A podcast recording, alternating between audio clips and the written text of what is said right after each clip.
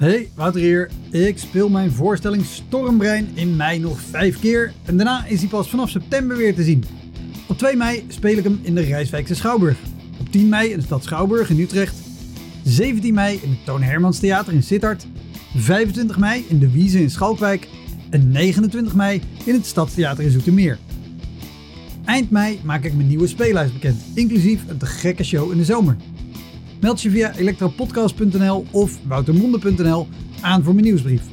Dan weet je als eerste waar en wanneer ik te zien ben. Sowieso is dat handig, want dan krijg je elke maand één mail met erin een overzicht van alle podcastgasten, de columns die ik die maand heb gedaan en alle shows die er in de maand erop gaan komen. Welkom, mijn naam is Wouter Monde. Dit is de Elektra Podcast. Een podcast waarin ik met collega's herinneringen ophaal aan shows die ze liever waren vergeten. Genoemd naar het roemruchte jongerencentrum Elektra in Sliedrecht, dat ooit bekend stond als de comedy hell.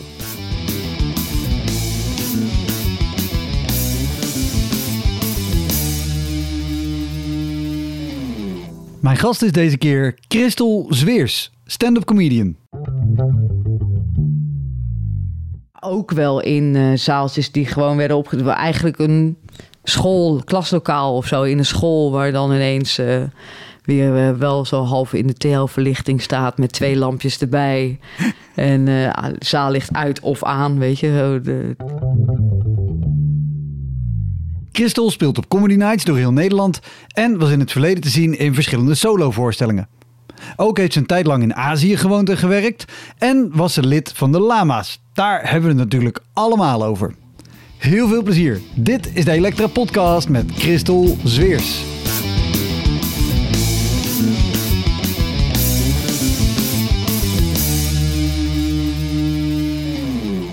Wat is jouw meest recente rampoptreden?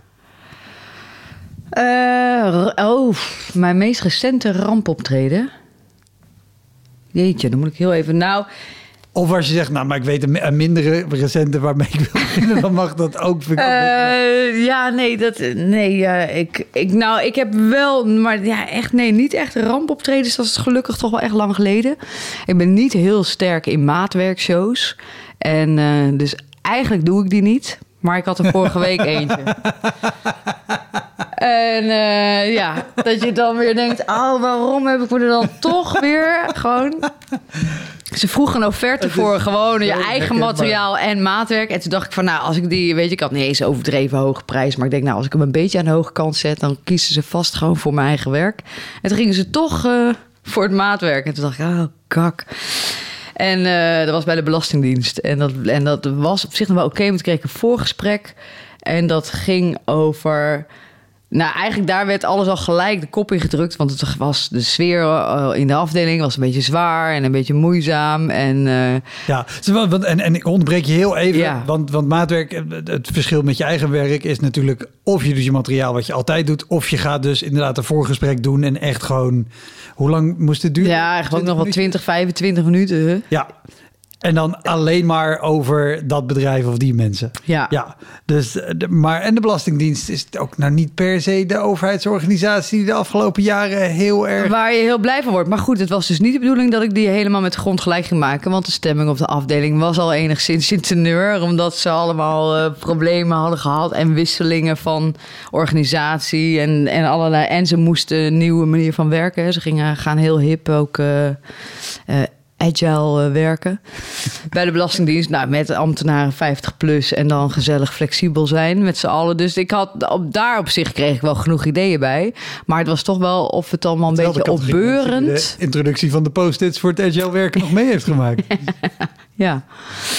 Dus uh, of het een beetje opbeurend idee was toch wel van deze kerstafsluiting, nieuwjaarsafsluiting, dat ze een beetje hard onder de riem gestoken kregen. En uh, toch met uh, opgeheven schouders uh, het nieuwe jaar in konden gaan. Dus ik uh, durfde ook niet helemaal los te gaan erop. Nee.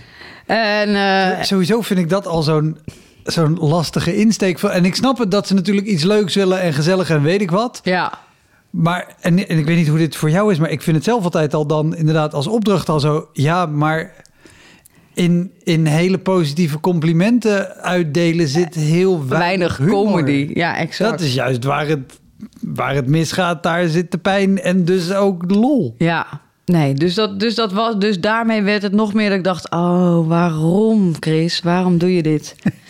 dus dan, en dan, nou ja, toen had ik nog twee weken of zo... en dan zit ik mezelf al helemaal dwars en te blokkeren... dat ik ook helemaal geen inspiratie meer heb. Nou, uiteindelijk heb ik daar wel toch wel, eh, wel, wel wat leuk materiaal weten te schrijven. En vervolgens ging zij eerst, ging de hoofd van de afdeling ging zelf even nog een eh, kort eindejaars eh, verhaaltje houden. Nou, dat werd natuurlijk ook eh, te lang.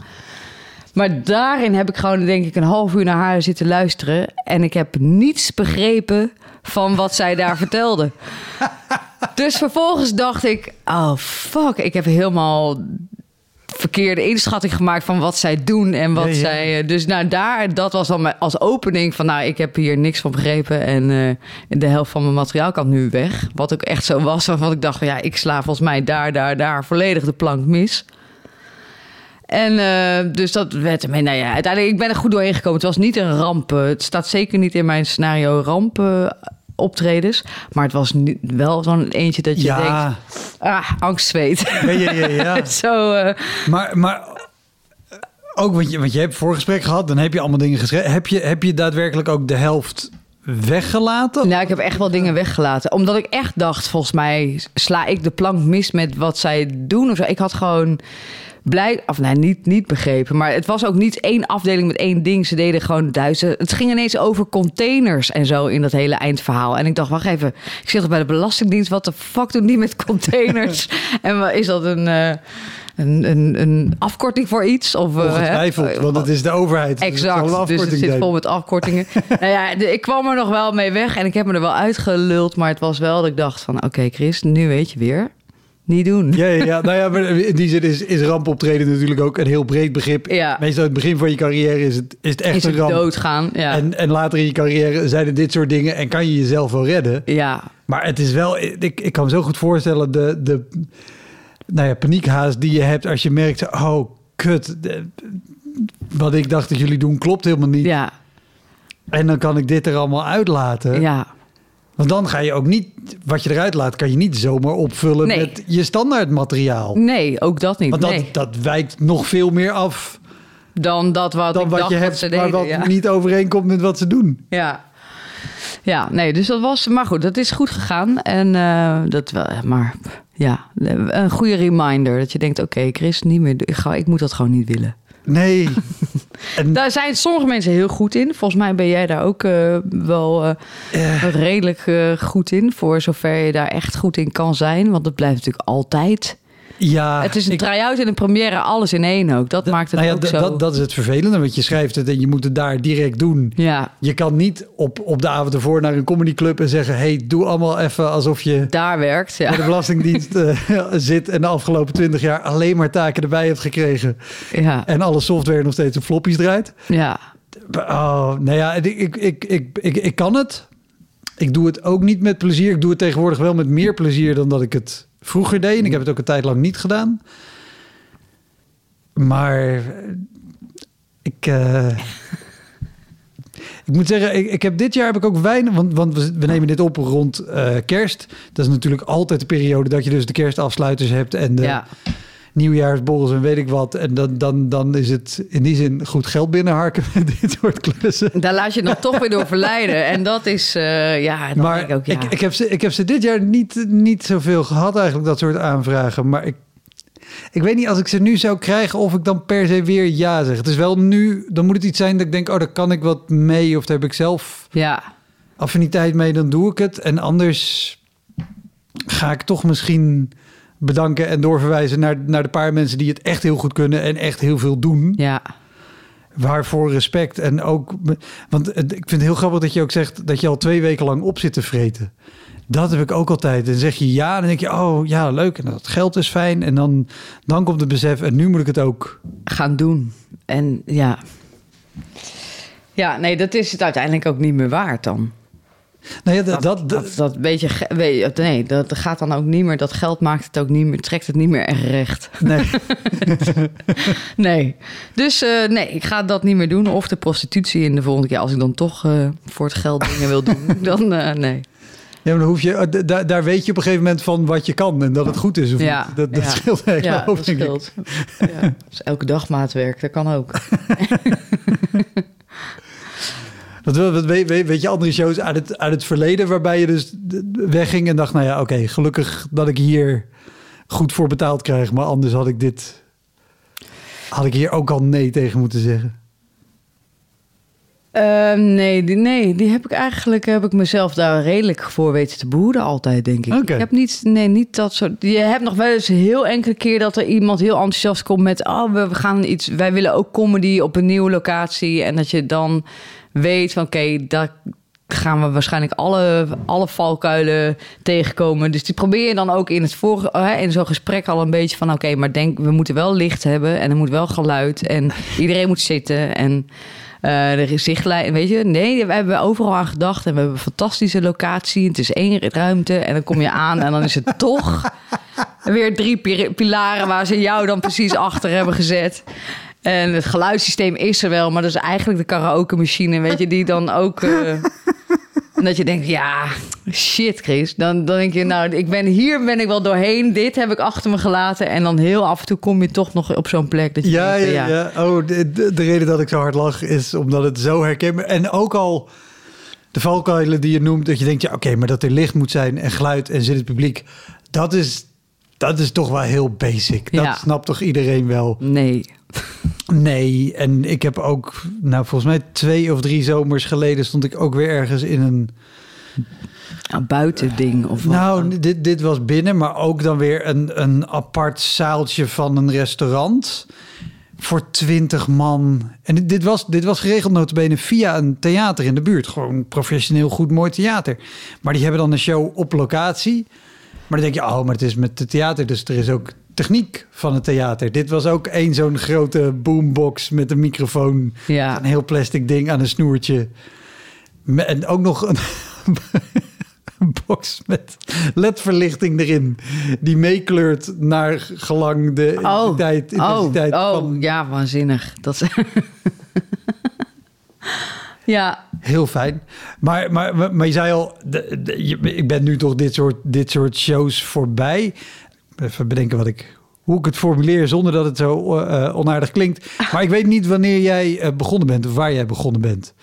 Dus de vraag is eigenlijk heel simpel. Wanneer, wanneer ben ik eigenlijk welke tijd ben jij begonnen? Eh, 2001 zo'n beetje. Toen deed ik mee aan de Lucky Strike Talent Tour. ja, Daar kwam ik eh, terecht toen via de tabaksfabrikanten nog dingen mochten Ja, sponsoren. was een ja. tour met gewoon- Comedy Café. gewoon eh, onze gaasjes weggerookte. En eh, dat was het, ja. Ja. Af en toe met de slof thuis kwam. Ja, ja fantastische tijd. Als je rookt, tenminste. En dat deed ik toen nog. Maar nee, dat, ehm, dat is een beetje 2001. Toen kwam ik op de... Op, dat was eigenlijk mijn allereerste avond in het Comedy Café Amsterdam. Ik was daarvoor... ehm, op een paar open podia geweest. En daar was ik... eh, dat was nog vier jaar. Volgens mij ben ik zelfs helemaal toen ik begon... eh, uit de krant oproepjes voor open podia en zo. eh, Wauw. kwam ik in Valkenswaard. Ben ik drie keer geweest in een café die dat via de krant mensen opriepen om naar hun open podium te komen. Ja. Valkenswaard ook. Ja, ook nog eens. En ja. jij komt niet uit Ik Valkenswaard. kom niet uit Valkenswaard. Nee, ik woonde destijds in Utrecht, geloof ik. Maar toen kwam ik eh, daar en dat was, eh, dat was heel leuk. Dus daar ben ik ook drie keer terug geweest. En, en toen kwam ik op een gegeven moment via, via, via in contact met Hans. Kotman. Nee, Oh, nee, daar heb ik ook voor gespeeld. Maar eh, nee, die, oh nee, Marcel, Marcel van Marcel Heggen. Breggen. Ja. En daar kwam ik een keertje voor in Noordwijk. ja, dat was ook een comedy-organisator destijds. Want je had Comedy Train sowieso. En hij had comedy... Ik heb geen idee, had hij een boom, naam? Comedy, ja, Oh. het was iets met comedy en dan een, een variant op iets Op- bewegends of een explosie. Oké, d- oké. Op wat er was waarschijnlijk. Ja, nee, Ja. maar ik weet, ik, ik heb geen idee hoe dat heette. Maar daar stond ik en daar stond ik met Wilco Terwijn. Ja. En die zei, oh, maar dit is best leuk wat je doet. eh, maar je moet naar, eh, kom eens naar Comedy Café Amsterdam. En ik wist eigenlijk helemaal niet. Ik, ik had helemaal geen idee dat dit bestond. Ik wilde cabaret maken. En toen kwam ik ineens in een soort. tussen de stand-up comedians te staan op open podia. En, en, en dus dit Marcel Verheggen ding. En toen zei hij: Kom eens naar Comedy Café Amsterdam. Dus daar had ik me aangemeld voor een open mic. En dat bleek ook een auditieavond te zijn voor die Comedy Talent Tour. Dus de volgende dag werd ik gebeld met ja, je bent door. En ik dacht alleen maar, hè? Waarvoor? Want dat wist ik helemaal niet. En, eh, en toen heb ik dus de Comedy Talent Tour gedaan. En daar met Vincent Geers was dat dezelfde Ja. tijd. En eh, uiteindelijk dat met de finale in Tivoli. En daar werd ik tweede, Vincent de eerste. En nou ja, toen ging het heel hard eigenlijk. Ja. Dan sta je dat met die finale gingen we naar Lowlands. Nou, dat bleek uiteindelijk ook een ramp te zijn, want het was een van de warmste zomers ooit. En we stonden nog niet in de Juliette of zo, maar in een van die dichte tenten. Nou, dat was een broeikas. De Juliette was echt de theatertent die ze Ja. hadden. Nee, ze hadden een soort andere tent. Eh, Dat was echt een broeikas. En zeker toen, dus daar zaten negen mensen in een zaal. Daar hadden er 700 in gekund of zo. En wij waren daar dan met de finalisten van de, van de Comedy Talent eh, Tour. En er zaten negen mensen, nou, die waren zo gefocust op ademhalen. Omdat het zo ongelooflijk warm was, dat daar ook helemaal geen zuurstof was om te lachen überhaupt. Eh, dus dat was, eh, ja, dan denk je, ja, ik sta op Lowlands. En dan was echt eh, iedereen gebeld, weet je, hoe cool is dat? Ja. En het was één grote afgang. Ja, niet, ja gewoon, gewoon, heel, gewoon het geheel. Het was gewoon kansloos. En, en, en hoe was het om, om dan te spelen? Want dan speel je ook net, dus dan heb je volgens mij ook nog lang niet Nee, je de doet kennis ook gewoon en de je ervaring ding of om, zo, om daar iets mee... Nee, nee dat, doen? dat had ik in ieder geval niet. Nee, ik stond daar gewoon eh, dat te vertellen wat ik eh, dacht dat grappig was. En dat, dat sloeg niet. En dat werkte niet. Er gebe- kwam niks op terug. Maar daar had ik ook al niet meer verwacht of zo van die negen mensen die daar zaten adem te halen. Dat was echt eh, kansloos. Ja. Maar ja, ik stond wel op Lowlands. En, eh, maar goed, daarna, dat was via Mojo dus. Dus die kwam daarbij. Toen kreeg je al Night of Comedy, waar ik dan af en toe mee mocht als eh, talent. Ja, dat was ook een, een, een, een tour met comedyavonden. Ja, dat was toen nog in de theaters. En eh, daar kwam ik als talent tussen. En de Lucky Strike had ook een eigen tour, een pro- een pro-tour. En dan mocht je als talent dan ook Ja, af en toe mee. Dus ja, ineens speelde je gewoon drie, vier keer in de week. Dat ging echt heel hard. Ja, En dan blijf je eindeloos lang talent. Op een gegeven moment denk je na zeven jaar... heb je nog steeds talentenspot. Dat je denkt, ja, wacht even, ik ben toch ondertussen wel... eh, zeven jaar. nou, dat, ik weet niet hoe lang het duurde, maar voor mijn gevoel was ik eindeloos talent. Dat ik elke keer ook weer aangekondigd als nieuw talent. Dus ik dacht, nou, nu, nu dus kan ik het eh, wel. hoor. niet Ja, ja. meer, toch? Maar ja, nee, dat heeft, ik weet niet hoe lang geduurd, maar wel, wel een aantal jaren. En, en dan ja, langzaam groeien door en mag je dan ineens eh, gewoon Want- want- een volwaardige spot doen. En, want, want nou, de comedy was, was in theaters ook, zei je. En ik kan me herinneren dat volgens mij die Lucky Strike, Strike Talent Tour... kwam ook wel meer in, in kroegen en zo. Ja, Volgens ja, mij was ja. het ook in de Florin, in, in Utrecht. ja, nee, daar, ja, daar ook inderdaad. Florin in Utrecht en de publieke werken, Breda. Ja, en, Toen ook al, eh, grappig, nog altijd een comedyavond. Ja.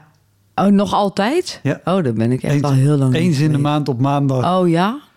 hebben ze nog Ja. altijd een... eh, een. Nou, dat was ook zo eentje waar je altijd wel even goed beslaagd en ijs moest komen. Dat was altijd vol, die publieke werkers, Mhm. stampvol. Maar er waren toch altijd mensen ook die niet voor de comedy kwamen. Die zaten aan de bar dan gewoon er doorheen te lullen de hele tijd.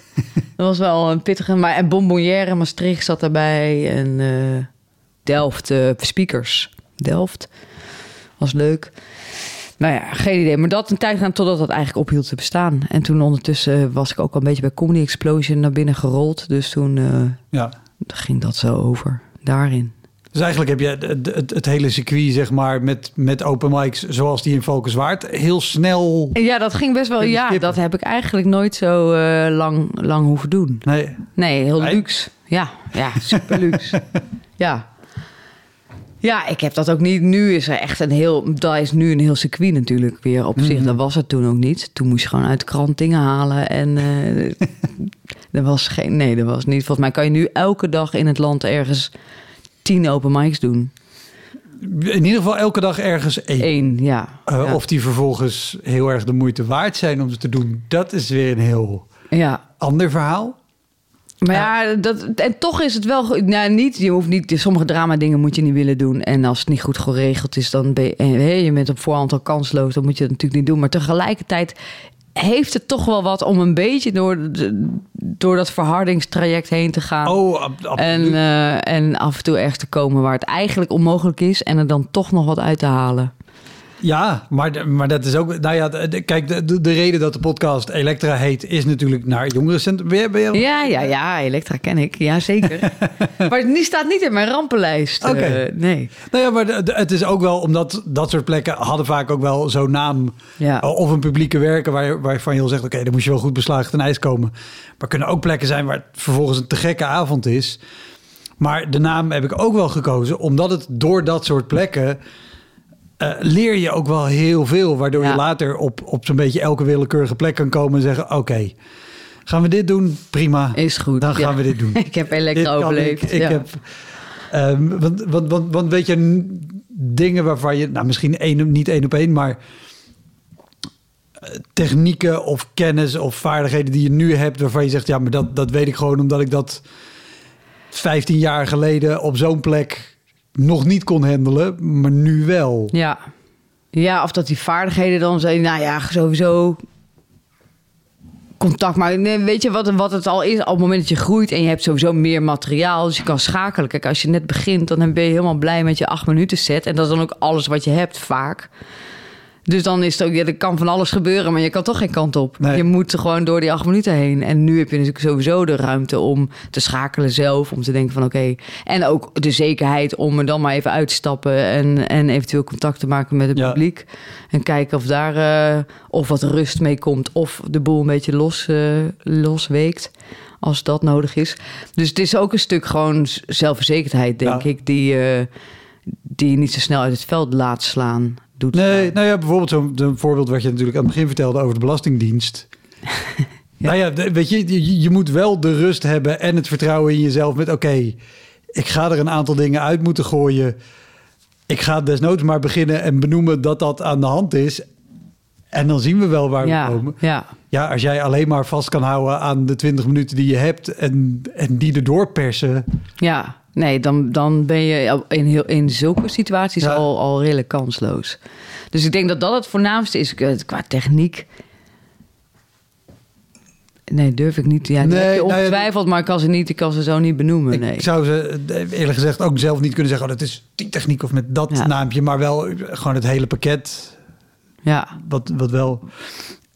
wat ik van de week bedacht. En nu denk ik er weer aan. Zeker omdat je zegt over talentspots. Is volgens mij de eerste keer dat ik jou ooit ergens live heb gezien. Toen deed ik een talentspot in een show van eh, Willem. Willem Overgaag, organisator. En die had toen een plek in, ik denk Rotterdam. Maar het kan ook Den Haag geweest zijn. Delft denk ik. Café de Chase, was dat het niet? Nee, dit was in een, in een zaaltje onder een koffieshop. Oh ja, hier in Den Haag. Dat zou heel Ja, goed kunnen. bij de Kremers. Onder. Ja, Kremers, ja, ja. ja, ja. Wat, waar me verder niks van bij staat hoe, hoe en wat. Anders dan dat, het, dat je door de koffieshop moest. En naar beneden. En dan ja, naar beneden? Ja, ja. Het was wel een leuk zaaltje. Maar het, of het heel klein was het. Ik, maar, ik eh, denk het. dit, dit was in de periode dat ik zelf op plekken binnenkwam en dacht... oké, daar, nou, dan ga ik nu de acht minuten doen die ik uit mijn hoofd heb geleerd. Ja. Oh, grappig. Ja, dat is... eh, ja, het is ook 2010 of zo dan? Ja, 2010, 2011. dat- Ja, dat- ja. Toen ik net, eh, ja. net begonnen was. En wij hebben heel veel samen gespeeld. Ook hier in Den Haag tegen Den Haag aan bij eh Tasty Comedy op de pier. Ja. Wat natuurlijk ook een, een bijzondere... Daar eh, kan je ook niet iedereen neerzetten. Nee, dat was ook wel... Dat was, was een heftige plek. Ja. Het ook wel, kon, kon ook heel erg tof zijn. ja. Kan je voor iemand die het niet kent omschrijven wat het... Nou ja, het is een dinnershow. Dat zijn eigenlijk al dingen die, je- die je niet, eh, niet wenst. Maar het is op de pier in, in Den Haag. Nou, in dat ronde gebouw, zeg maar. Dus pub- eh, podium stond in het midden. Publiek zat daar aan tafels, hè, eettafels omheen. En tussen de gangen door kwamen wij dan comedians. En dus, dus dat maakt het eigenlijk al lastig. Want elk showtje staat al op zichzelf eigenlijk. Dus je hebt niet een show waar je lekker opbouwt... en het publiek en de lach van die er al is van je voorganger... mee kan nemen en, en daarop door kan bouwen. Het begint constant eigenlijk weer een beetje koud opnieuw.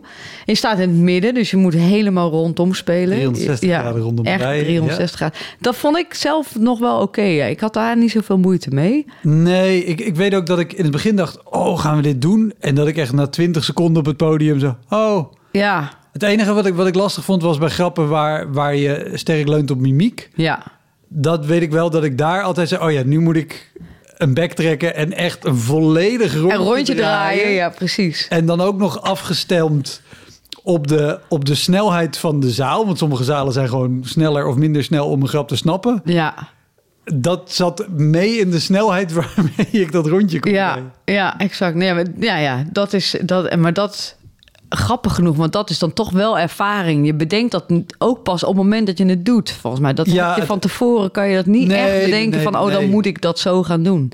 En dat is dat vind ik dan wel leuk, eh, waardoor je als je meer ervaren wordt, dat je gewoon je aanpassingsvermogen Mm. Zoveel eh, sneller gaat eigenlijk. Maar Maar het was geen makkelijk. Het was ook publiek wat eigenlijk doorgaans geen comedy publiek was. eh, echt uit het hele land kwam. Het zat, er zaten groepen met bedrijfsfeesten in. Die dat vooral. te veel aandacht vroegen soms of helemaal niet. En Is, is er een show van daar die... eh, want, want inmiddels is het, is het opgedoekt. ja, Eh, of eh, opgedoekt, het is failliet gegaan. Ehm, of laten gaan. ja, ja. Er zijn de meningen erover verdeeld. Afhankelijk of je het vraagt aan comedians die nog altijd geld te goed hebben. Of de financiële adviseur van de eigenaar. Ehm, maar eh, eh, de- kan je je shows van daar herinneren waarvan je nu denkt... oh, wat eh, fijn dat die show niet meer, Dat hij niet meer is. niet meer in mijn agenda. Nou, ik heb wel heel lang gehad dat ik daar niet echt knalde of zo, maar wel goed genoeg was. Zeg maar ja, niet dat je dat wil, want je wil natuurlijk gewoon zwevend naar huis. Ja, Het liefst. Maar wel dat je elke keer dacht van... nou, oké, nou ja, dit is het gewoon Ja. of zo. Eh, ik denk dat het echt een plek was waar dit is het... Ook, ook niet per se het hoogste haalbare, want sommige mensen knalden er heel hard. En ja, Eh, iedereen is er ook, heeft ook zeker wel die uitschieters gehad. Maar, maar kan me inderdaad die emotie herinneren van... oké, nou ja, dit was...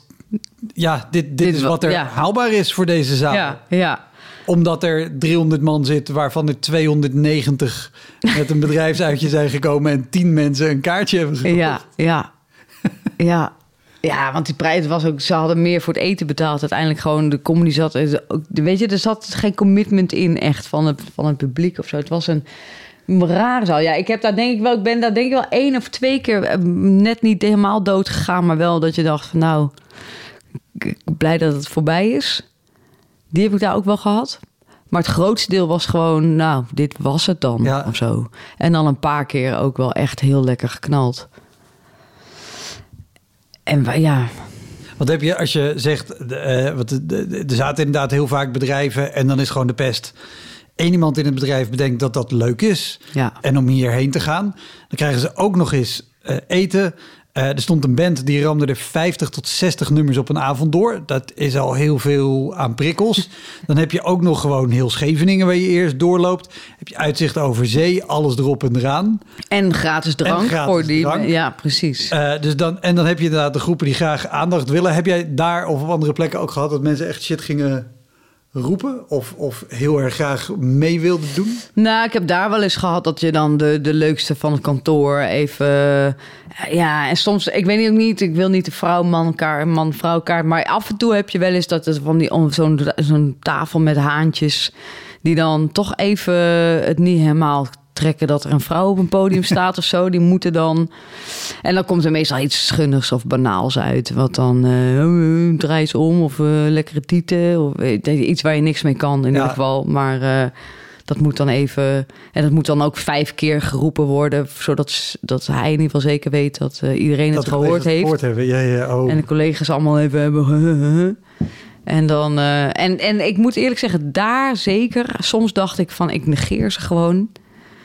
Was, dat was soms de beste aanpak. En soms ook niet. Dan, dan had de hele zaal zoiets van... waarom zegt ze nou niks? dan dacht ik gewoon... ik heb hier zo geen zin in. Ik doe gewoon mijn dingen en uh, ik draai gewoon iets minder ver door. Weet je? Dat je zo'n hoekje zo zwart laat liggen. Van, nou, ja, ja, ja. in mijn blinde hoek. En ik, ik ga er gewoon doorheen, ja. Wat heb, je, heb jij je, je carrière veel gezeik gehad met dus... oh, er staat een vrouw op het podium? Ja, ik, ik weet nooit zo goed of dat... dat heb je zeker. En dat, en dat is... Uh, en in het begin heb ik, daar heb ik voor mijn gevoel meer last van gehad.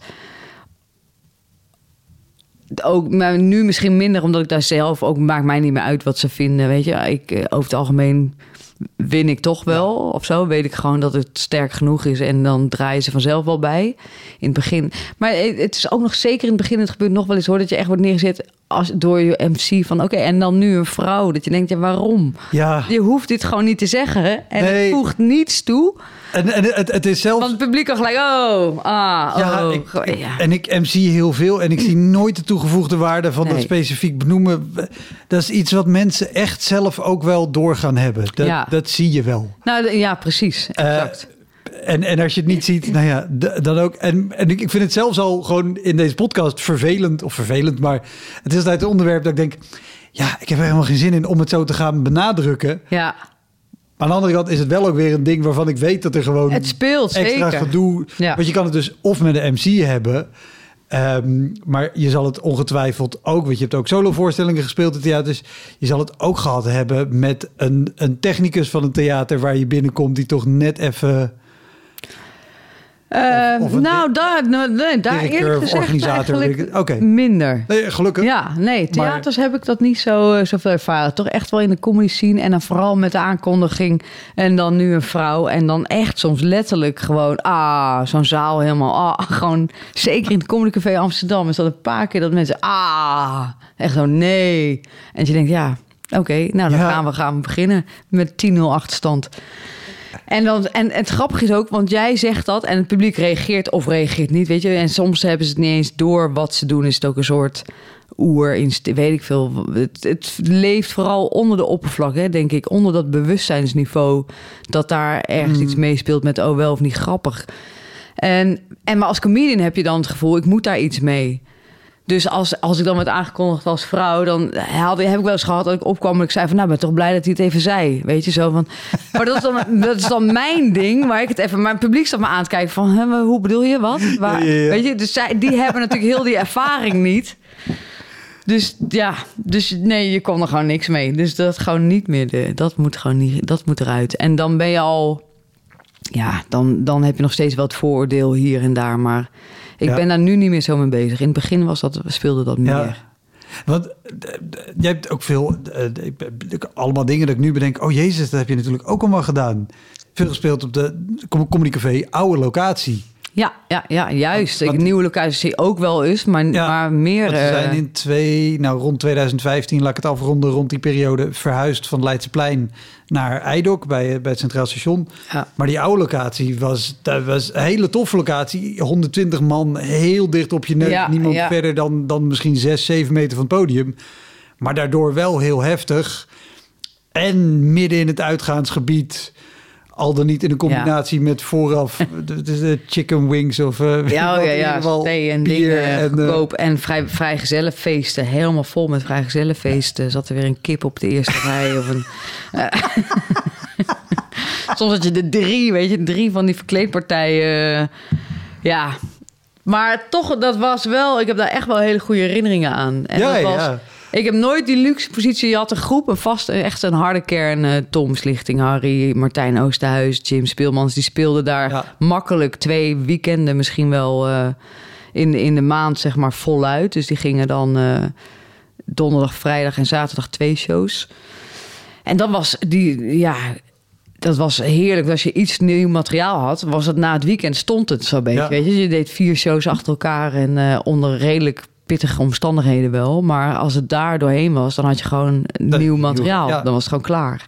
En die luxe heb ik af en toe gehad. Ik heb heel af en toe een heel weekendje gehad. En dat je denkt, ja, dat is wel heel lekker. Maar ook daar waren voor mij vaak de vrijdagen niet goed. En dan de zaterdagen weer wel of zo. Dat is Dat, ik weet niet waarom, maar dat, dan zaten er... Nee, maar sowieso, de, vrijdag was daar voor mijn gevoel... en zo is wel bij meer clubs toch lastiger dan de zaterdag. Ja. Dus ook dan is het einde van de week... maar dan hebben mensen nog overdag gewerkt... en dan moet je toch nog haasten om te eten... en misschien een oppas en, weet ik, en, en dan nog naar een club. En op zaterdag heb je al de hele dag... Ja, dat zal zoiets, vind ben je al, inderdaad. al ja. relaxter. Ja, ja dus dat, ja, zoiets. En, en vrijdag misschien toch ook meer... we gaan met het werk nog wat leuks doen... dat je daar, daar groepen van hebt... eh. Oh ja, van nog wat na uitgelopen kantoorborrels en zo. Ja, Ja, ik weet het niet, maar, dat, ja, maar daar, heb ik, daar heb ik wel hele goede herinnering aan. Maar dat was, eh, ja, vol gestampt. Maar ook wat. eh, kijk, bij de, bij de Belastingdienst zit je naar zo'n speech te luisteren en denk je: oké, er moet een deel uit. Eh, of iemand kondigt je aan met: oké, de volgende is een vrouw. Dat je denkt: oké, dan gaan we. Hoe, eh, wat gebeurt er in je hoofd en hoe schakel je als je aankomt en je, je doet de deur open en je ziet gewoon: oké, er zitten hier drie vrijgezelle feesten. Al dan niet verkleed als kip of met dildo's op een haarband in hun hoofd. Ja, wat, eh, wat doe je? Wat doet het in jou? Nou, je wacht. Ja, het is sowieso dan nog afwachten. Hè, want het kan nog, dan nog steeds ook heel leuk en, eh, en meegaand zijn. Eh, dat, dat ligt er maar net aan. Dus het is gewoon even kijken hoe zo'n zaal loopt. Ja, je gaat wel. Kijk, Comedy Café Amsterdam had niet echt een, eh, een backstage of zo. Dus meestal zat je in de hoek aan de bar. Eh, maar op een gegeven moment was je ook een beetje klaar mee. Kende je collega's wel. En dan had je ook wel eens de neiging om gewoon lekker in het café voor te gaan zitten. Ja. Maar op dat soort avonden niet, zeg maar. Dan was het wel van, oké, ik moet echt in die zaal zijn om te weten wat er gebeurt met die groepen. En of ze heel luidruchtig zijn of dat het allemaal wel eh, mee eh, zit. Zeg maar. Ja. Dus een beetje kijken hoe de sfeer al is met, de- met de MC en, en indien mogelijk de eh, voor je. Ehm, en dat soort dingen. Ja, nou ja, goed, je weet, die, die, die moeten allemaal even aandacht hebben Ja. of zo. Dus het is ook een soort van, oké, jij gaat uh, gecondoleerd of eh, je gaat trouwen. Leuk. Zij hier dan ook. Nou ja, gewoon de standaard eh, dingetjes. Hoi, Wouter hier. Luister je vaker Elektra? Dan is het een goed idee om crewmember te worden. Je doneert dan automatisch elke maand een klein bedrag. En in ruil daarvoor krijg je extra afleveringen, consumptiebonnen om in te wisselen als je eens live bij mij komt kijken. En je krijgt een unieke link waarmee je voortaan de podcast luistert zonder dat ik halverwege onderbreek om te vragen of je crewmember wil worden. Zoals nu. Dus, word crewmember. Dat kan al vanaf 1 euro per maand. In de omschrijving van deze aflevering vind je een linkje voor meer informatie. Oké, snel weer terug. Dat is te zien in Nederland. Maar je hebt ook een paar jaar in, in Azië gewoond. Ja, En gespeeld ook. ja, Hoe? ja. Nee, Nou ja, ja, ik, ik, ik neem, het, het hoe is natuurlijk vrij simpel. Dat zal niet heel anders zijn. Nou ja, het hier, was aan het begin, hè. Dus ik heb in Singapore gezeten een tijd. En daar was al wel stand-up comedy. Er was één open mic en, eh, en met lokale comedians. En dat werd goed bezocht. Dat was wekelijks. En er zat gewoon elke week 200 man. En dan waren er eh, vijf, vier, vijf lokale comedians... die daar eh, een beetje aan het begin van hun carrière stonden. Mhm. En daar kon ik direct op inspringen, zeg maar. Dus dat, daar kon ik bij eh, aan toevoegen. En nou, daar ging ik ook redelijk snel wel richting headliner of uh, Dierel. Hoewel daar ook vaak wel een rondreizende artiest... die op weg was naar Australië of zo, zeg maar... naar al die festivals daar en Ja. die fringes.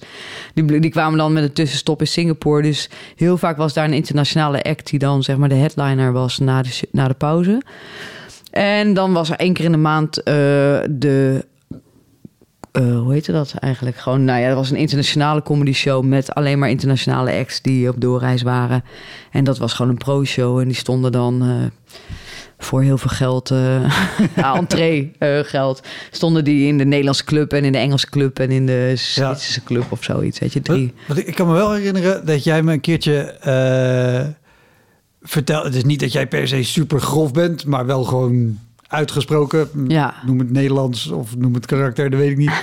Ehm, maar dat, dat dat daar nog wel eens dat je een wat gereserveerder publiek hebt, dat die wel opkeken van wat jij vertelde op het podium. Ja, zeker in het begin ehm, heb ik wel.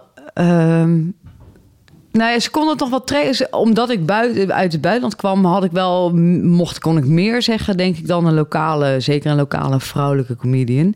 Dus eh, er waren daar een paar vrouwen in de comedy die ook wel echt zoiets hadden van, wow, wat zeg je allemaal? En uh, dat kan ik echt niet, uh, ik kan het dan niet bedenken, zeiden ze vaak, maar laat staan dat ik het zeg, dan kom ik echt niet meer weg. uh, dus in die zin had ik wel iets meer ruimte, denk ik, om, om, om wat verder te gaan. maar ik weet nog wel helemaal in het begin, want daar in in, Azië is ras heel erg een hot item, zeg maar. Dus het is, ze zijn behoorlijk racistisch. En maar er zit ook zo'n hiërarchie in, in die rassen. De Chinezen staan ergens bovenaan. En dan onder de Indiërs. En, dan, en die zijn ook allemaal gelinkt aan IT-werk voor de Indiërs. En de Chinezen doen... Uh, weet ik veel, handel, achterbakse handeltjes. En de, en de Filipijnen zingen goed en uh, kunnen schoonmaken en in de bediening. En de Bangladeshis staan op straat, weet je. Dus iedereen heeft, is zo, dat is heel clichématig, maar heel, en heel zwart-wit en discriminerend eigenlijk allemaal zo ingedeeld.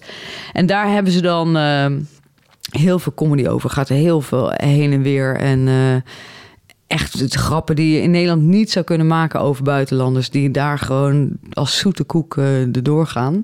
Maar ik weet nog dat ik daar in het begin dacht van... oh, misschien moet ik ook daar een beetje in mee. En ik Hmm. had hier in Nederland wel een stukje materiaal gehad over Marokkanen. En toen dacht ik, oh, dan maak ik daar gewoon Maleisiërs van. en dan... Uh, want die zijn ook moslim of zo. En dan, en dan kom ik wel met mijn halal grapje, ga ik dat eens doen. Nou, dat was... Uh, dat was de grootste stilte in comedy history, denk ik. Die daar, daar, dat was echt tumbleweed door de zaal. Dat was echt... Uh, ja, ik heb zelden zo diepe stilte. En, en ik was zelf nog een soort van, nou, ik doe ook mee uh, in maar, die stemming. En, en waarom was het, dus, was het, was het te hard? Of het was gewoon, klopte nou, het, gewoon het klopte niet, omdat um, in de hiërarchie van comedy staan, uit, nou ja, in hun ogen uiteindelijk die blanken nog weer helemaal bovenaan. En ik was daar zelf helemaal niet mee bezig. Maar de, dus, en dat maakt het onmogelijk. Want als blanke kan je dan alleen nog maar omlaag trappen. Ja. Want alles zit onder jou. En dat is gewoon zo not done, zeg maar. Um, ja, dus ik, dat was helemaal niet mijn positie om überhaupt een grap over een Maleier te maken daar, uh, zeg nee, maar. Dus nee. dat speelde al heel erg in. En, ik, en mijn grapje ging over geloof, over uh, islam en over uh, of ze niet allemaal dood moesten. Maar dat dat natuurlijk niet zomaar kon. Maar dan misschien als je het halal deed, dat het dan... Nou ja, dat was gewoon echt zeven bruggen te ver. Dat was... geloof is daar echt nog wel heilig. Uh, klinkt ook uh, grappig, ja. maar uh, ja, meer dan hier, zeg maar. Dat, dat is gewoon een taboe. Daar, ga je, daar maar, kan je geen grapjes dus over maken. Zij onderling, de, in principe naarmate je lager zeg maar, op de maatschappelijke ladder staat... kan je het wel permitteren om grappen te maken naar, naar boven toe. Naar boven, ja. maar niet naar onder. Moeilijk. Wat, wat moeilijk. een sympathiek ja. systeem is. Ja. Tenzij je heel... Kijk, zo Singaporezen stonden dan wel weer iets boven de Maleisiërs. Maar omdat het buurlanden zijn... heb je nog weer een soort net Nederland-Duitsland... of Nederland-België-achtige rivaliteit of zo... waardoor dat nog wel over en weer kon. Maar eigenlijk uh, ja, was, dat al, was dat al gevaarlijk gebied. Ja, ja. Ik, ik ben blij dat ik sowieso niks met ras en dingen doe... omdat ik het zelf niet interessant vind om daar... Nee. Maar dat, wat een mijnenveld, joh. Ja, nou ja, voor hun onderling niet. Want dat is ook gewoon waar, waar de algemene humor ook zit of zo, weet je. Maar daar konden ze echt grapjes maken over uh, wie de stonken... en, uh, en nou ja, dingen die je hier echt niet kan zeggen over mensen. Nee. Uh, Indiërs ruik je van verre aankomen. En uh, nou ja, echt, echt. En, maar, en dat werd onwijs uh, overgelachen. Daar konden ze heel hard om lachen daar. Dus, maar dat is ook hoe ze onderling mensen onder elkaar grapjes maken of zo. Dus wij maken misschien meer seksgrapjes onderling. Of wat getintere of harder mm. of politiek. Of, en daar is gewoon heel veel rasgerelateerde grapjes. Ja, dus uh, nee, ik had wel grapjes kunnen maken, misschien over mezelf uh, als schoonmaker of zo. Of dat, want, ja. Nou, een, collega van mij, uh, die kwam oorspronkelijk uit Hongkong. Woonde, heeft in Nederland gestudeerd, maar woonde toen destijds ook in Singapore. En zij had een grapje, ze komt uit Hongkong. En zij had een stukje materiaal over dat ze voor het eerst een blanket was naar, naar Engeland gegaan in haar jeugd een keer met haar familie. En daar had ze een blanke man de straat zien vegen. En dat had ze nog nooit in haar leven gezien. Een blanke met een bezem. En dat ze zich zo gekoloniseerd voelde, zeg maar, dat ze helemaal opgelaten voelde bij dat beeld dat die blank dus dat ze er bijna naartoe had willen lopen van no no no no let me let me do this zo van dit omdat ze gewoon zo ongemakkelijk was bij dat beeld alleen al en, ja, en dat is de beleving die daar gewoon toch nog alledaags eh, Ja, heerst bizar. ja Maar ja, bij, bij zo'n bid gaat het ook veel meer om, om haar ervaring daarmee... dan dat je per se, haha, alle blanken zijn dit... of haha, alle Indiërs... Ja, nee, dat is ook zo. Dus er wordt meer gelachen om haar Ja. eh, reactie daarop. Eh, maar iedereen kan zich daar wel in vinden of zo. Weet je, het is niet Ja. dat je denkt, hè, hoezo of zo. Ik moest de eerste keer echt een beetje over nadenken. Dat ik, hè, waarom dan? Wat is er mis met, met dit verhaal of zo? Ja, Omdat ik heb wel meerdere blanken zien vegen. Eh, maar ja, en zelf ben je er ook helemaal niet meer. Ik, ja, zelf, dan heb je dat hele verhaal met, eh, weet ik veel, white eh, guilt en, en white privilege en dat soort verhalen. Ja, blijkbaar had ik daar, had ik dat. Eh, daar. Maar ja, het is niet dat je daar zelf mee bezig bent of zo. Ja, het is eh, altijd moeilijk terrein. En, en, maar het is ook een stuk wat, wat je gegeven wordt. Weet je, privilege kan jij wel opeisen. Niet dat ik dat deed. Maar als ik, het gebeurde wel eens dat ik in een winkel stond te wachten... en dat ik gewoon aan de beurt was... terwijl er eigenlijk nog vier mensen voor mij stonden. En dat je dus dan gewoon... Dan werd ik aangesproken door een derde kassa die leeg was... en die sprak dan mij expliciet aan van... ja, kom maar hier, afrekenen. lijkt me heel ongemakkelijk. En dat je denkt, hè, wacht even, maar er zijn... Maar ja, soms denk je ook van, nou ja, misschien wachten die mensen op je. Worden ze eigenlijk al geholpen, weet je? Als Ja. je net binnenkomt, je weet ook niet gelijk wat er speelt. Dus je denkt, nou, laat maar gaan dan. Maar op een gegeven moment komen we achter van... Nee, wacht even, volgens mij is, klopt dit niet of zo. Nu, nu ga ik toch maar even gewoon op mijn beurt wachten... en eh, de rest voor je laten gaan. En dan heb ik, ja, white privilege. Ja, eh, ik vroeg er niet om. Nee. Ik stond gewoon heel braaf in de rij eh, te wachten. Oh, Ja. Nog even terug naar die, naar die grap. Want je maakt die grap, dan is er de, de langste stilte in comedy ooit. Ja, Hoe... Nou, twee collega's moesten nog wel lachen, maar, om- maar gewoon... Dat ja. is nooit een goed teken. Iedereen stil en collega-comedians collega's die lachen. Echt, en eentje riep ook auw heel hard. Eh, ja. Mm. Nou ja, de, de, ja, toen ik afkwam, zijn inderdaad collega's van... Wat, wat, wat, wat deed je? Waarom? Weet je, wat, wat dacht je? Wat, wat, wat, wat, wat was hier je, je, je plan? En ik, ik, dus toen heb ik nog uitgelegd van... Ja, maar in Nederland deed ik... Ja, nee, en ze- en ze zeiden gelijk van... No, no, no. Nee, doe maar niet meer. Ik zei, oké, ik zal het niet meer. En toen dacht ik ook, ja, het is ook niet mijn ding. Ik heb verder ook niks met rassen, dus ik laat dat gewoon links liggen. Nee, dat- En ik doe gewoon waar ik, eh, waar ik wel goed in ben. En op seksueel, ik weet, mijn grap eh, zijn...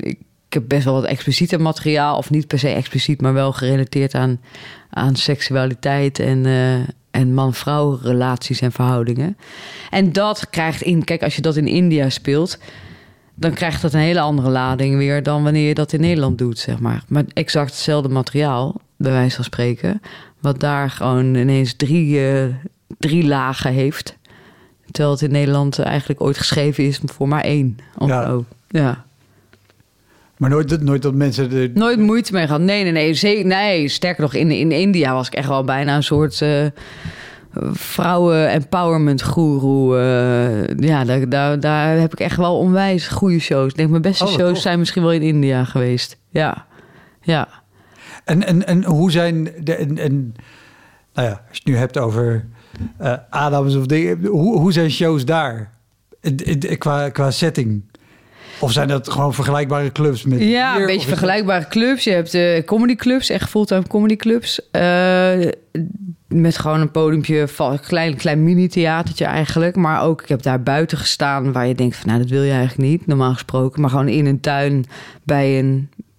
Volgens mij was het een nachtclub met gewoon een grote tuin en een podium. En daar zat gewoon eh drie, vierhonderd eh, man buiten. Oh, gek. Maar echt allemaal gefocust op dat podium. Ja, echt, eh, echt te gek Oh, leuk. in, eh, in Pune. En, maar ook wel in zaaltjes die gewoon werden opgezet. Eigenlijk een school, klaslokaal of zo. In een school waar dan ineens weer wel zo half in de TL-verlichting staat. Met twee lampjes erbij. En eh, de zaal ligt uit of aan, weet je. Zo de, de- eigenlijk hetzelfde als, als, eh, als hier. Gewoon Ja. alles maak je mee. Maar, eh, maar ook echt wel gewoon goed opgezette shows. Ah, Oké. Ja, ja, ja. Nee, met gewoon elektriciteit en lampen. Ja, daar- daarom vond ik de vraag ook al zo stom. Dus, Oké, Wouter, er, er is echt wel meer in India. ja, ja, ja. Nee, ja, dus dat...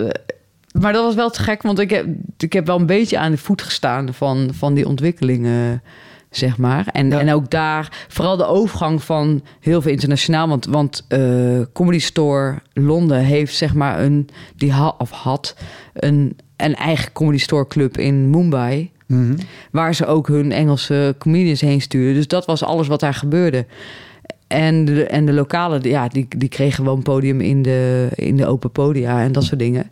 Maar in de tijd dat ik daar zat, is eigenlijk echt wel de stap gemaakt voor een heel veel van die lokale comedians om ook naar een, een hoofdpodium en een, en een betaald podium Ja, te gaan, zeg gek. maar. En nu denk ik dat ze een beetje klaar zijn met alle buitenlanders. eh, ja, die rondreizen en langskomen, ze vaste kliek en die zijn altijd welkom. Maar het is niet meer dat ze afhankelijk zijn van de buitenlandse acts om, eh, om een avond goed neer te kunnen zetten. Nee, Waanzinnig eh, die zelf talent. hebt. Ja, Ja, ja. te gek. Eh, en- en wat ik ook nog niet naar was, want jij zat in alleen het eerste seizoen van de Lama's? Ja. Nog langer. Nee, eerste seizoen. Was dat voordat het helemaal opblies of niet? Nee, nou, Of ik- het werd alleen maar groter. Maar wij, in wij mijn de lama's altijd heel groot Ja, geweest. dat maar was ook zo. Wij begonnen, de eerste seizoen werd, afge, werd uitgezonden eigenlijk in de zomer. Wat een redelijk kansloze periode is televisie technisch om iets nieuws neer te zetten. Dus er was ook niet zo heel veel verwacht van de kijkcijfers. Maar we gingen toch al richting de 800.000 kijkers gelijk tot. En raakte af en toe de miljoen aan. Ja, In die periode, zeg maar, van, van het seizoen... was dat eigenlijk gelijk eh, al een hit.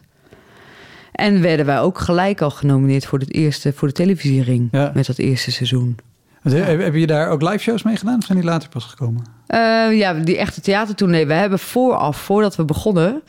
eh, hebben, wij heel, hebben we bijna een jaar gerepeteerd. En hebben we een aantal, hier in Pepijn en zo... allemaal try-outs in theaters gedaan. Dat waren, dat, was, dat waren onze theatertours, Ja. zeg maar. En eh, kleine zaaltjes en een beetje uitproberen. En toen wij op televisie, toen het daar begon... toen hebben we niet ook nog in theater... dat kwam echt pas Ja, twee, drie seizoenen later of zo. Want mijn, mijn, mijn schrikbeeld bij, bij improv, eh, hoe leuk het ook is om te doen. Want natuurlijk wat er van de lama's op tv kwam, was een deel maar van wat er werd Ja. opgenomen. Is als je afhankelijk bent van wat mensen aan suggesties roepen, is dat er ook echt altijd weer dezelfde stomme suggesties komen. Ja, Viel, viel dat mee? Nee, dat is veel. Ik denk dat Patrick Lodiers, die, die, die dat wel redelijk weet. Die haalde er gewoon iets uit die wat, hij, wat hij hoorde. Die presenteerde, ja. dat. Dus die had dan de, de macht om gewoon de dingen te negeren die hij niet wilde. Of hij vroeg gewoon nog een keer van... Oké, dit hebben we allemaal al duizend keer gehad. Eh, zijn er nog andere suggesties? Nee, dat, dat was nog wel redelijk goed. Maar toch veranderde ik elke scène wel weer bijna als hoer. Of eh, was het niet suggestie van het publiek... dan was het wel eh, wat eh, het, waar de rest van de jongens mee kwamen. Eh, dus ja, ik heb daar... Ik, ik, ik, ik heb een waanzinnige tijd gehad... maar het was voor mij ook goed, zeg maar. Eén Ja. seizoen was voor mij genoeg. Ja, Ja. geen... geen Nou, ik kwam daar zelf, vond ik ook niet heel erg uit de verf. En, en dat werd alleen maar iets, dat werd alleen maar minder. Ehm, ja, aan het eind stond ik mezelf gewoon volledig te blokkeren eigenlijk. En dat moet je niet hebben als je aan het improviseren bent. nee, de- Maar omdat ik alle dingen die je wel... voelde. Ik voelde me niet heel erg prettig bij wat ik terugkreeg van... Weet je, ik voelde me... Ik, weet, ik, had het idee dat ik meer aangever was, maar heel weinig terugkreeg, zeg Ja. maar. Dus alles wat ik opbouwde werd gelijk eh, met een... eh, of met een blokkade of een ander ding gelijk afgemaakt. Afge maar wel gescoord. En dan was, dat, was het weer klaar of zo. Eh, dus de afspraken waar we een, een jaar aan gerepeteerd hadden, de, de- zodra de camera's aangingen, waren die vrij snel de deur uit. En, eh, en ik voelde me daar helemaal. Nee, ik ben niet zo lach of ik schiet. eh, dat, niet, dat Nee. gehalte ligt bij mij gewoon niet. Ik, daar ben ik niet zo goed in. Dat is niet mijn ding. En ehm, we hadden in eerste instantie iets meer ingezet op gewoon scènes spelen. Hè, want al die lach- en schietspelletjes en de beste manier om en zo. Ja, het idee was van, nou ja, dat op een gegeven moment verveelt dat. En de meeste variatie zit hem in die korte scènes Mhm. die, je, die je speelt.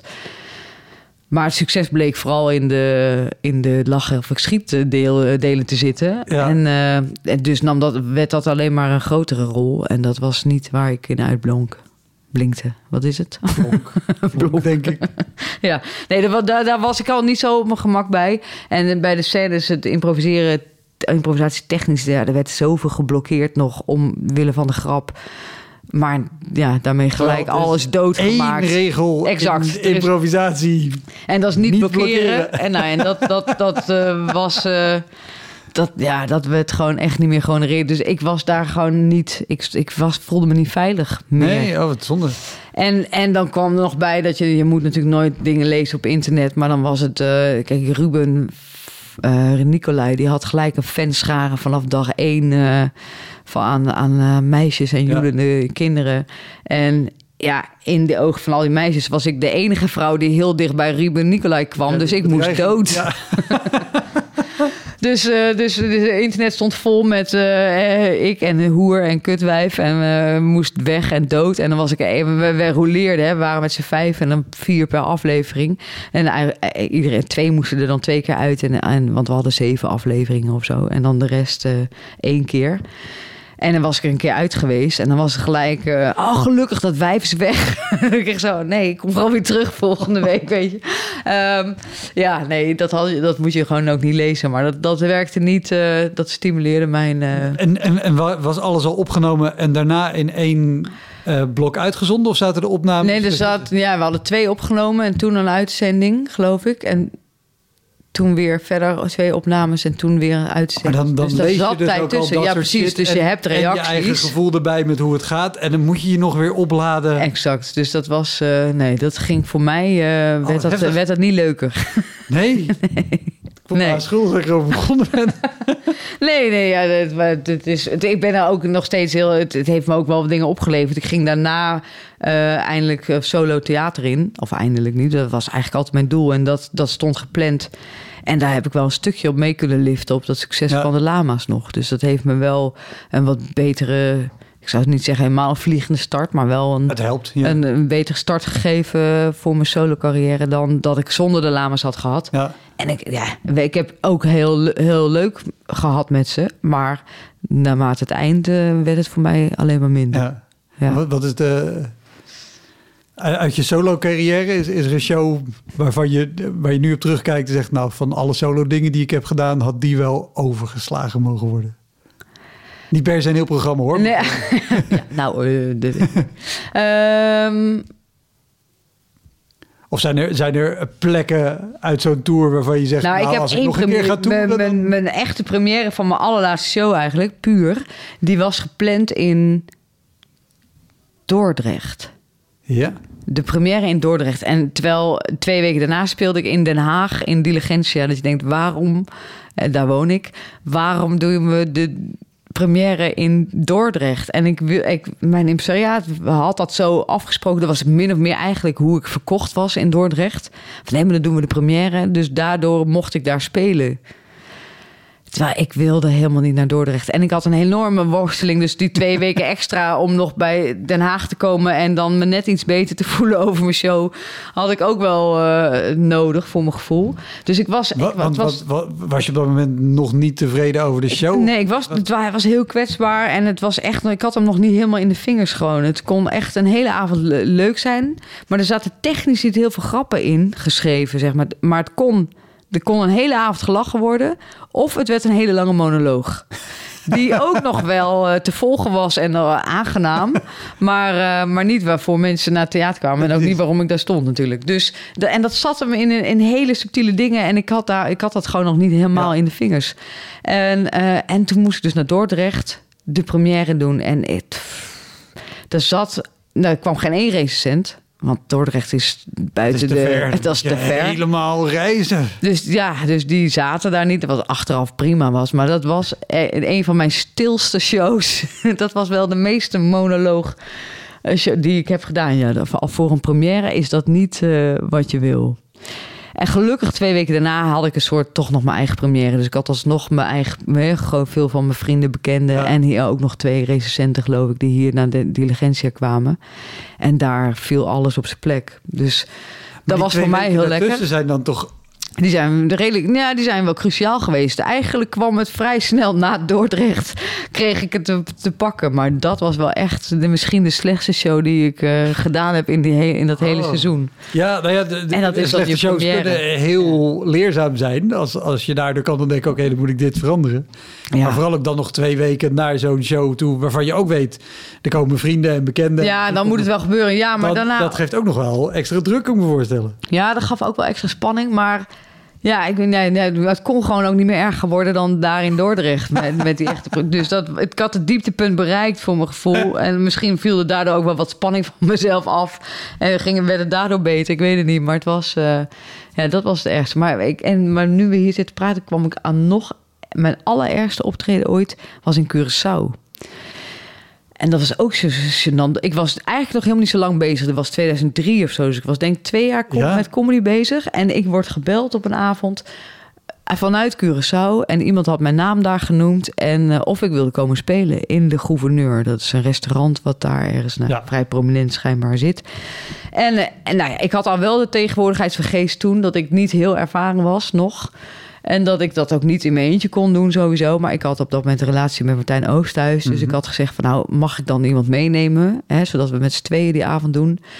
En dan neem ik Martijn Oosthuis mee. Ik zeg, en die is, sowieso, die is eigenlijk veel beter. Had ik volgens mij zelfs nog gezegd dan ik. Dus eh, ik- neem niet zomaar iemand mee, maar dan Ja. krijg je ook iemand.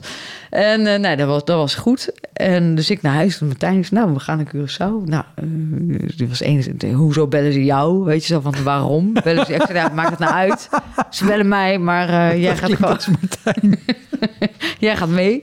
En, en dat was en, en nou, die gouverneur. En daar kwamen we smiddags eh binnen om een beetje te kijken hoe, we dan, eh, hoe het er allemaal uitzag. Daar had Martijn natuurlijk toen de ervaring voor Ja. om, eh, om dat allemaal eerst te willen zien. En, eh, en toen bleek dat een heel klein restaurant, of een restaurant met een heel klein zitdeel. Dus daar konden misschien 30 mensen voor het podium zitten. Maar ze hadden een hele grote tuin. Die zou helemaal vol komen te zitten. Die hadden geen zicht op het podium. Maar daar hingen ze dan een scherm neer. En die konden dan via het scherm. Dus wij werden gefilmd. Dat werd buiten geprojecteerd. En dan. Wat een slecht idee. Maar wij konden ze wel horen lachen. Ja, precies. Wat een slecht idee. En eh, ik had dat in mijn eentje nooit bedacht daar, dat dat een heel slecht idee was. Want daar was ik gewoon te on- eh, onervaren voor. Maar Martijn had al zoiets van, dit, is, dit gaat niet werken. Dit kan, dit kan niet. We gaan eh, hoe dan ook proberen in ieder geval 50 man hier voor het podium te krijgen. Dus het maakt niet uit hoe je ze erin propt. Maar er moeten hier meer mensen komen. Eh, de verhouding bleef nog steeds de tuin te veel. Ja. En wij zeiden nog van, nou, Martijn ging proberen te regelen of we dan niet... We, desnoods doen we drie shows.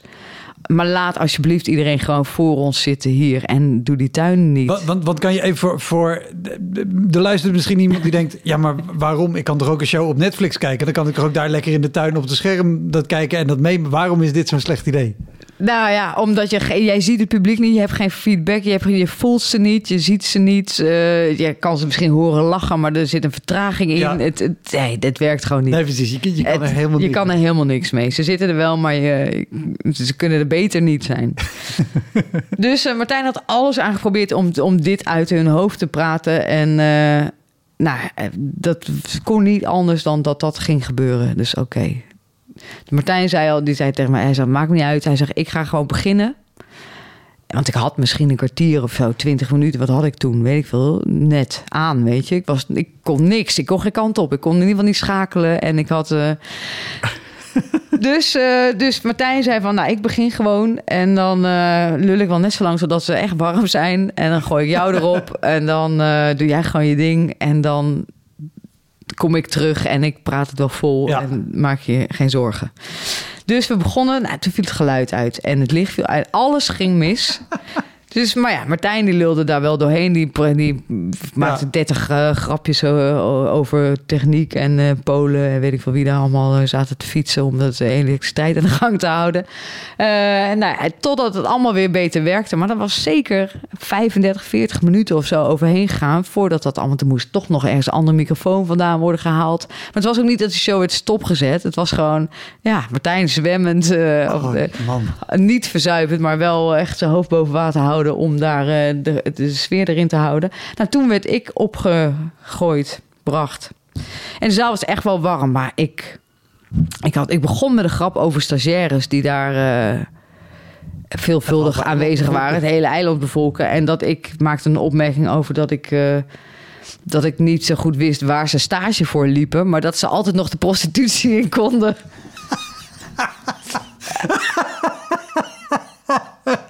Dat was niet. eh, Deze lach verraadt dat ik ook ooit op Curaçao ben geweest en iets te veel stagiaires daar heb gezien. Ja, Eh absoluut eh, waarheid, denk ik, maar nog steeds. Maar niet zo'n beste openingsgrap voor die zaal met stagiaires. En werd niet gewaardeerd.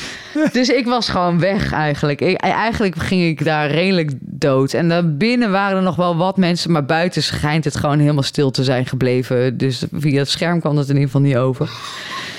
En, eh, dus, en ik dus er weer af. En toen Martijn nog... Maar ja, die had ook al 40 minuten van... Misschien wel zijn beste materiaal al eh, eruit gegooid... om de boel overeind te houden tijdens die hele technische, dat hele technische debakel. Dus die, maar die, die, die kan zich redden. Dus die heeft daar gewoon nog eh, een half uur denk ik gespeeld. En toen was het gewoon klaar. En toen zei nou, ik wilde gelijk weg. Ik wilde, en dat is dan het erge, want je wordt geboekt, je wordt een ticket. Al, dat is, maar je, dus Ja, je kan ner, je bent daarheen gehaald. Ik was daarheen gehaald en Martijn heeft de show gered. Dat was natuurlijk al gênant voor mij, voor mijn gevoel. En je wil gewoon weg. Je wil die mensen ook niet meer. Ik wilde niemand meer onder ogen komen. Ik vond het zo'n drama. Maar ja, je moet nog. We moesten nog naar Bonaire. Er was ook nog, zat er nog bij in. Nog een show doen. Oh. En we waren daar nog te, nou ja, te gast. En die mensen waren heel aardig die ons daar ontvangen hadden. En die bleven gelukkig ook heel aardig, maar ik wilde ze gewoon niet meer zien. Zeker die avond niet, weet je. Dus ik zei tegen Martijn, ik zei, ik moet nu weg gewoon. Laten we gewoon, ik wil dit publiek niet zien. Ik wil even niemand zien. Dus wij zijn weggegaan. En toen kwamen we tweeënhalf uur later, want we hadden ja, we moeten nog wel gedag zeggen over, weet je, even terugkomen. Twee en een half uur later kwamen we terug. Toen was gelukkig zo'n beetje alles wel leeg. Er was nog één tafel met mensen. En daar zaten dan eh die eigenaar van die gouverneur. Die twee mensen die ons ontvangen hadden en, eh, en geboekt. En twee stagiaires. En een moeder en een ouders. Vader en een moeder. En ik kom aanlopen. Ze zitten in die tuin. Ik kom aanlopen. En die moeder die begint gelijk... Oh nee, daar is ze. Daar is ze. En die gaat huilen. En helemaal, die wordt een- half hysterisch. En ik dacht eerst nog even van... Denkt zij dat ik haar verloren dochter ben of zo? Weet je, het was echt een soort zo emotioneel en zo van... Oh mijn god, daar is ze. Oh nee, daar is ze. Ik kan het niet, ik kan het niet, ik kan het niet. Zo. En ik dacht alleen maar... Oké, dit is heel ingewikkeld en moeilijk... maar ik, ik, ik, het voelde meer alsof ik haar verloren dochter was. Wat ik dan nog niet wist, zeg maar. Ja. Maar zij al wel. Dus ik, ik ging me voorstellen aan mensen. En toen, ze, en toen zei zij... Oh nee, ze kon me ook geen hand geven. En toen dacht ik, nee, hier is iets anders aan de hand. en toen wilde die vrouw even mij meenemen. En eh, toen eh, kreeg ik van haar ja, het, eh, dat ik toch met die openingsgrap van mij... met dat eh, haar dochter was, namelijk stagiaire... en zij was bij haar dochter op bezoek. En wat ik wel niet wilde bereiken met zo'n openingsopmerking... en dat dat toch niet kon. En vrouwen onderling moesten elkaar toch steunen. En dat ik de vrouwen zo ongelooflijk te kakken had gezet. Nou, ik kreeg gewoon een relaas over me heen... dat ik gewoon... Ik was de slechtste mens in de wereld. en eh, of ik alsjeblieft dood wilde gaan. Niet alleen op het podium, maar gewoon echt ook. En of zij daarbij kon helpen. Dat was een beetje waar dat gesprek op neerkwam. nou, en je moet weten, ik had net de moed verzameld om terug te komen. Ik dacht eerst nog van, nou, zij denkt dat ik een verloren dochter ben. En vervolgens kreeg ik dit zo vol pontificaal in mijn gezicht. En ik dacht alleen maar, ik wilde naar huis. En ondertussen stond Martijn binnen met de eigenaar van het restaurant... eh, te vertellen dat het allemaal aan hem lag en niet aan mij, zeg maar. Want die was ook tegen hem begonnen van... nou, maar die Christel, dat kan toch niet? En wat, eh, dat het eh, slecht was. En eh, Martijn had het uiteraard voor mij opgenomen. En ook gezegd van, ja, ja, jullie hebben haar geboekt... maar ze is pas twee jaar bezig, weet je. Dus zij, dit is, zij heeft alles gedaan wat, ze- wat ze kan. En het ligt echt niet aan haar, maar dit is slecht, dit is slecht. We hebben gezegd dat dat niet kan met Ja. buitenmensen en dit is slecht. En die man bleef maar niet begrijpen. Maar het toeval wilde dat die week daarvoor was die zaak dicht geweest... wegens salmonella in de keuken. Dus Martijn, ik weet niet hoe, maar die haalde dat er natuurlijk nog weer bij. Van, nou, je moet je voorstellen dat je een restaurant hebt. en waar je denkt dat alles goed geregeld is. En toch uh, moet je dicht. Of dat je salmonella in je kunt. Ik weet niet meer. Ik weet niet welke vergelijking hij maakte. maar hij snoerde daarmee in ieder geval volledig uh, die gasten mond. En, uh, en toen zijn we naar Bonaire gegaan. En daar hebben we een hele leuke show gehad. Gelukkig. Oh, want ja. dan durf je nog. want daarna moesten we weer terug naar Bonaire en, of Curaçao. Om terug te vliegen naar Nederland. Maar dat was dat was wel het dieptepunt van mijn. Uh... Ja, oh, maar dan ook zo'n show. Want ik ben. Toen was ik ook net. Dat we erheen gingen. Anderhalf jaar bezig. Mocht ik naar Curaçao. Omdat ik de Culture Comedy Award gewonnen had.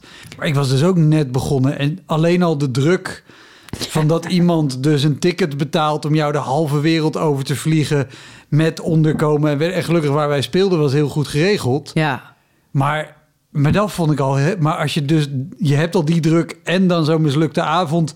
En dan moet je nog naar een volgend eiland en dan nog een keer. Ja, ja dat ging gelukkig heel goed. Maar ja. die, die avond en die vrouw die zo ongelooflijk gekwetst was door mij. En, en oh man, ik was echt het slechtste op de wereld op dat moment. Ja, dat was. ja, dat is er eentje. En toen dacht ik ook, ja, dit moet je ook, dit is een gevaar. Want ik heb ooit wel eens overwogen, zeker toen nog weer in, in Azië, ging, had je superveel cruise uh, schepen, comedians, zeg maar. Dus dat zijn gewoon, je kan op als com- ja. Nou ja, precies. Eerst dacht ik heel even, dacht ik, oh, dat is vet. En toen dacht ik, vrij snel daarna kwam Curaçao naar boven. En toen dacht ik, nee, als je daar doodgaat, dan zit je gewoon zit je tussen dat publiek met dat. Af. Exact. Nee, vreselijk. Ja. Te gek? Ja. Top, dankjewel. Nou, ik heb nog één, één naar verhaal, misschien heel kort. Ja. Ik was in Singapore en dat was dus die, die gast die, die, groot, die, die dat open mic runde.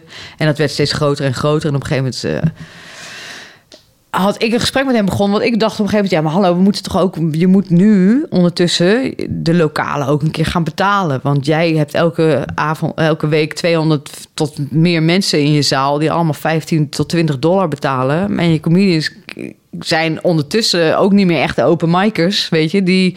Die, die, je begon met acht comedians op een avond en nu gewoon vier. Dus je hebt gewoon eigenlijk een comedy show bij ja, te runnen. En, en 200 mensen komen ook met een andere verwachting dan deze mensen gaan nieuw materiaal testen. Ja, exact. Dus je hebt gewoon nu bestaan. een gewoon een normale comedy show. En misschien moet je die mensen gaan betalen. Nou, dat ging hij dan misschien ooit wel eens doen. Maar dan ging hij er een show naast zetten. En dat ging dan daarvoor, nou ja.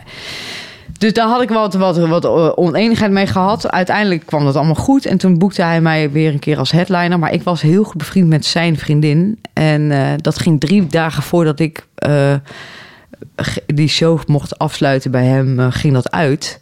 En hij was nogal dramatisch aangelegd. Dus hij zou dan die avond niet komen, want hij lulde altijd, hij was zelf altijd de MC. Ging hij niet doen die avond, want hij kon er niet aan om mij te zien, want dan moest hij aan haar denken. En zij zou misschien wel komen kijken, omdat ik moest spelen. En dat wilde hij voorkomen. Dus hij zou daar niet zijn. Prima. Nou, uiteindelijk was hij daar dus wel, maar ook redelijk beschonken. En ik was aan het headlinen op zijn show. En ik ben nog geen minuut bezig. En hij gaat mij hekkelen als een lamme kapotte relatie uh, gast. En, en hij, heeft, hij is gewoon, gewoon niet gestopt. Hij heeft gewoon 30 minuten door me heen staan schreeuwen. Um, van gevarieerd van vertel eens een grap. En doe eens ha ha ha. Oh, wat ben je grappig. En uh, hoer. En zeker je vriendin. En nou, ik weet niet wat allemaal. Maar gewoon een onophoudelijk gewoon door me heen staan hekkelen. Maar die hele zaal kende hem. Ja. En die wisten gewoon niet wat ze ermee moesten. Maar die ging... Dus die gingen ook niet hem afvallen van hou je bek, gast. Want hij was de baas van de show. Maar ze hadden ook zoiets van waarom...